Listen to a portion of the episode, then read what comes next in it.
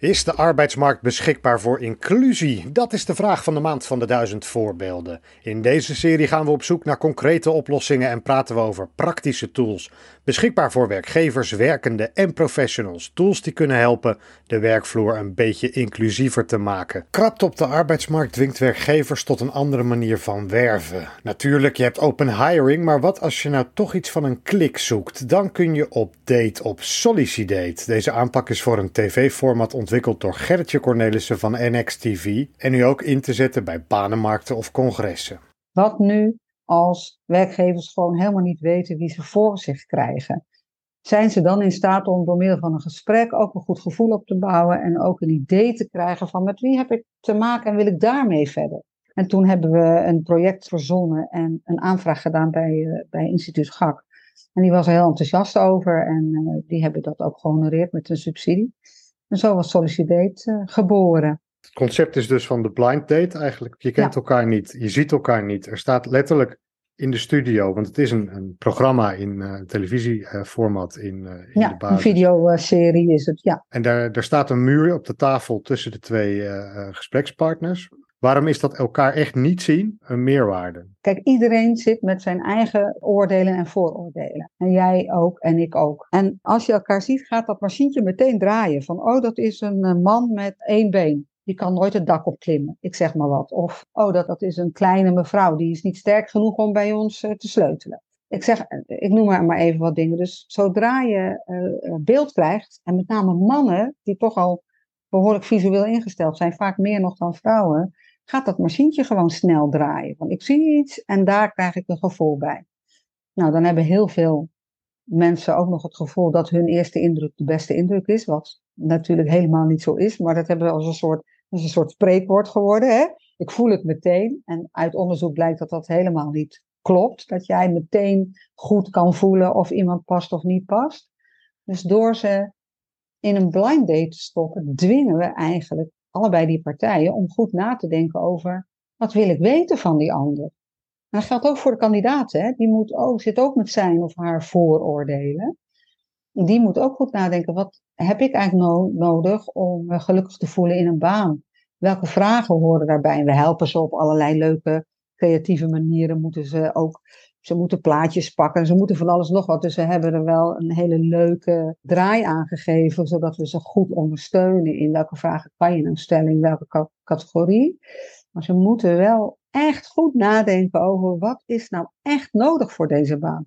Zonder dat ze visueel geleid worden. Want, want, die vooroordelen die heb je ook onbewust. Dus jullie begeleiden dat? Zijn er een aantal uitzendingen gemaakt? Acht, zijn acht, acht in totaal. Belangrijk om te zeggen, hè, er hoort ook nog een presentator uh, bij, hè, of een gespreksleider. Ja, die maakt het heel leuk. Het is echt een, ja, we hebben het echt een beetje gedaan zoals een blind date. Uh, als je met Tinder op, uh, op blind date gaat. Hè, dus dat, dat maakt het ook wel heel erg leuk en losjes. dat klopt. Een presentator die zorgt ervoor dat je echt wel de vragen gaat stellen en de tijd krijgt om vragen te bedenken, want mensen zijn toch een beetje onder druk, dus ze krijgen alle tijd. En die helpt je echt wel om eruit te krijgen wat, jij, wat voor jou nodig is. Dus we maken ook een profiel van de kandidaat en uh, die krijgt ook alle ruimte om te vertellen dat hij bijvoorbeeld een justitieel verleden heeft, hoe dat komt. Waardoor die eigenlijk kijker enorm voor zich inneemt. Want ja, je krijgt opeens heel veel context erbij. Hè? We hebben zo'n kandidaat bijvoorbeeld in ons programma zitten. Maar je moet je voorstellen, als jij een cv krijgt van iemand die, die een justitieel verleden heeft, die eigenlijk helemaal geen goede opleiding heeft, die schuldenproblematiek heeft gehad, dan ga jij als werkgever echt je vingers niet aan branden. En daar snap ik ondernemers ook heel erg in. Dat is ook een risico van hier tot Tokio natuurlijk. Maar als jij met zo iemand praat en iemand uh, niet ziet, maar je kan alleen maar dat verhaal horen, dan krijg je toch wel veel gevoel voor zo'n kandidaat. En dan denk je ook al snel, dat is wel knap dat die gast dat gewoon zit te vertellen, zeg. Dat is wel een stevige persoonlijkheid. Snap je? Dus je gaat opeens heel anders kijken naar een kandidaat. En een kandidaat ook naar een werkgever. Heb je dat ook echt zien gebeuren in die gesprekken ja. die jullie hebben begeleid? Ja. ja, was soms op het ontroerende af. Het formaat, formaat zijn gelijk bewezen, zal ik maar zeggen. Die... Ja, in die zin hè, dat, dat je echt andere vragen stelt, dat je, uh, dat je echt goed nadenkt over wat wil ik weten en hoe presenteer ik mijzelf. Want dat zie je aan tafel met een, een, gewoon gesprek heel vaak gebeuren. Dat die kandidaat zich maar moet zien te verkopen aan de werkgever. En dat de werkgever eigenlijk niet veel moeite doet om zich te verkopen aan de kandidaat. Ja, ik zeg het even zwart-wit, maar dat gebeurt wel vaak. Dat kan hier niet eens. Want die werkgever moet zich verkopen aan die kandidaat. Dat zit gewoon in dat format. Hij kan niet alleen maar vragen stellen, hij moet ook antwoorden geven. Dan, dat heeft echt effect. En dat zie, dat zie je goed in dat format. Dat, kan niet, dat je en het gevoel hebt dat je iemand heel goed kent, terwijl je hem toch niet gezien hebt. En daarna komt het klassieke blind date programma, het moment dat ze elkaar zien. Of hebben jullie dat ja. uh, eruit gehaald? Nee, zeker niet. Dat is juist leuk. Hè? Ze moeten op een gegeven moment moeten ze gaan aangeven. Hebben ze uh, op de muur hebben ze een uh, drietal portretten. Moeten ze zeggen wie denk jij dat het is? Gaat meestal goed, maar soms ook niet. En dan moeten ze ook aangeven, wil jij de volgende stap maken met deze kandidaat, met deze werkgever? Nou, dan wordt dat in een envelop gestopt en dan, gaat de, dan gaan ze de stap naar voren maken. Dus er staat de presentator staat er in het midden en dan stapt de kandidaat en de werkgever naar voren en zien ze elkaar voor het eerst.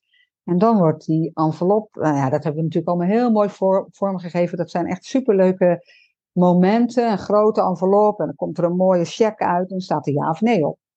En ja, dat is hartstikke spannend. Dan zie je opeens dat dat zowel voor die werkgever als die werknemer heel spannend is. Heb ik nou goed gekeken? Klopt het wat ik heb gedacht?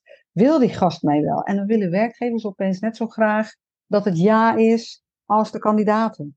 En, Echt heel leuk om mee te maken. Nou is dit niet alleen een kijktip, hè? want het is een leuke manier van kijken van andere... Het is een uh, leuke videoserie om te kijken, maar er zit veel meer in.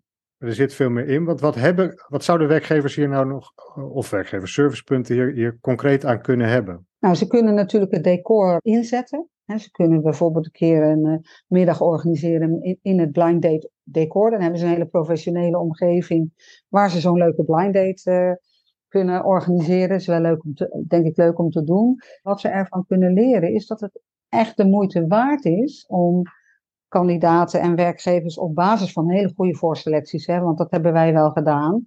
We hebben natuurlijk niet zomaar iedereen uh, in dat decor gegooid en red je ermee, want dat werkt niet. Maar als je als servicepunt of als mensen in de bijstand begeleidt of iemand met een, uh, weet ik veel wat, die in een burn-out zit en weer eruit moet. Als je die mensen begeleidt en je ziet een vacature waarvan je denkt zou best kunnen. Jij kent zo'n kandidaat heel goed.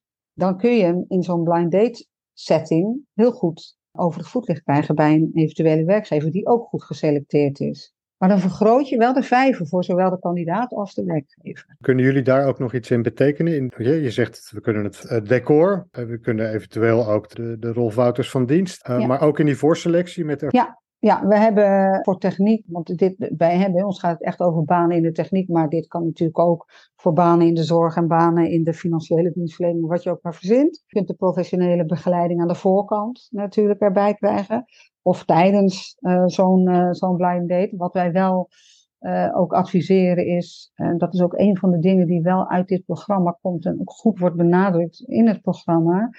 Kijk, je kunt zo'n zijinstromer willen, maar dan zeg je ja tegen elkaar, maar dan begint het eigenlijk pas. En ook als werkgever moet je je wel realiseren dat een zijinstromer niet voor niks een zijinstromer is.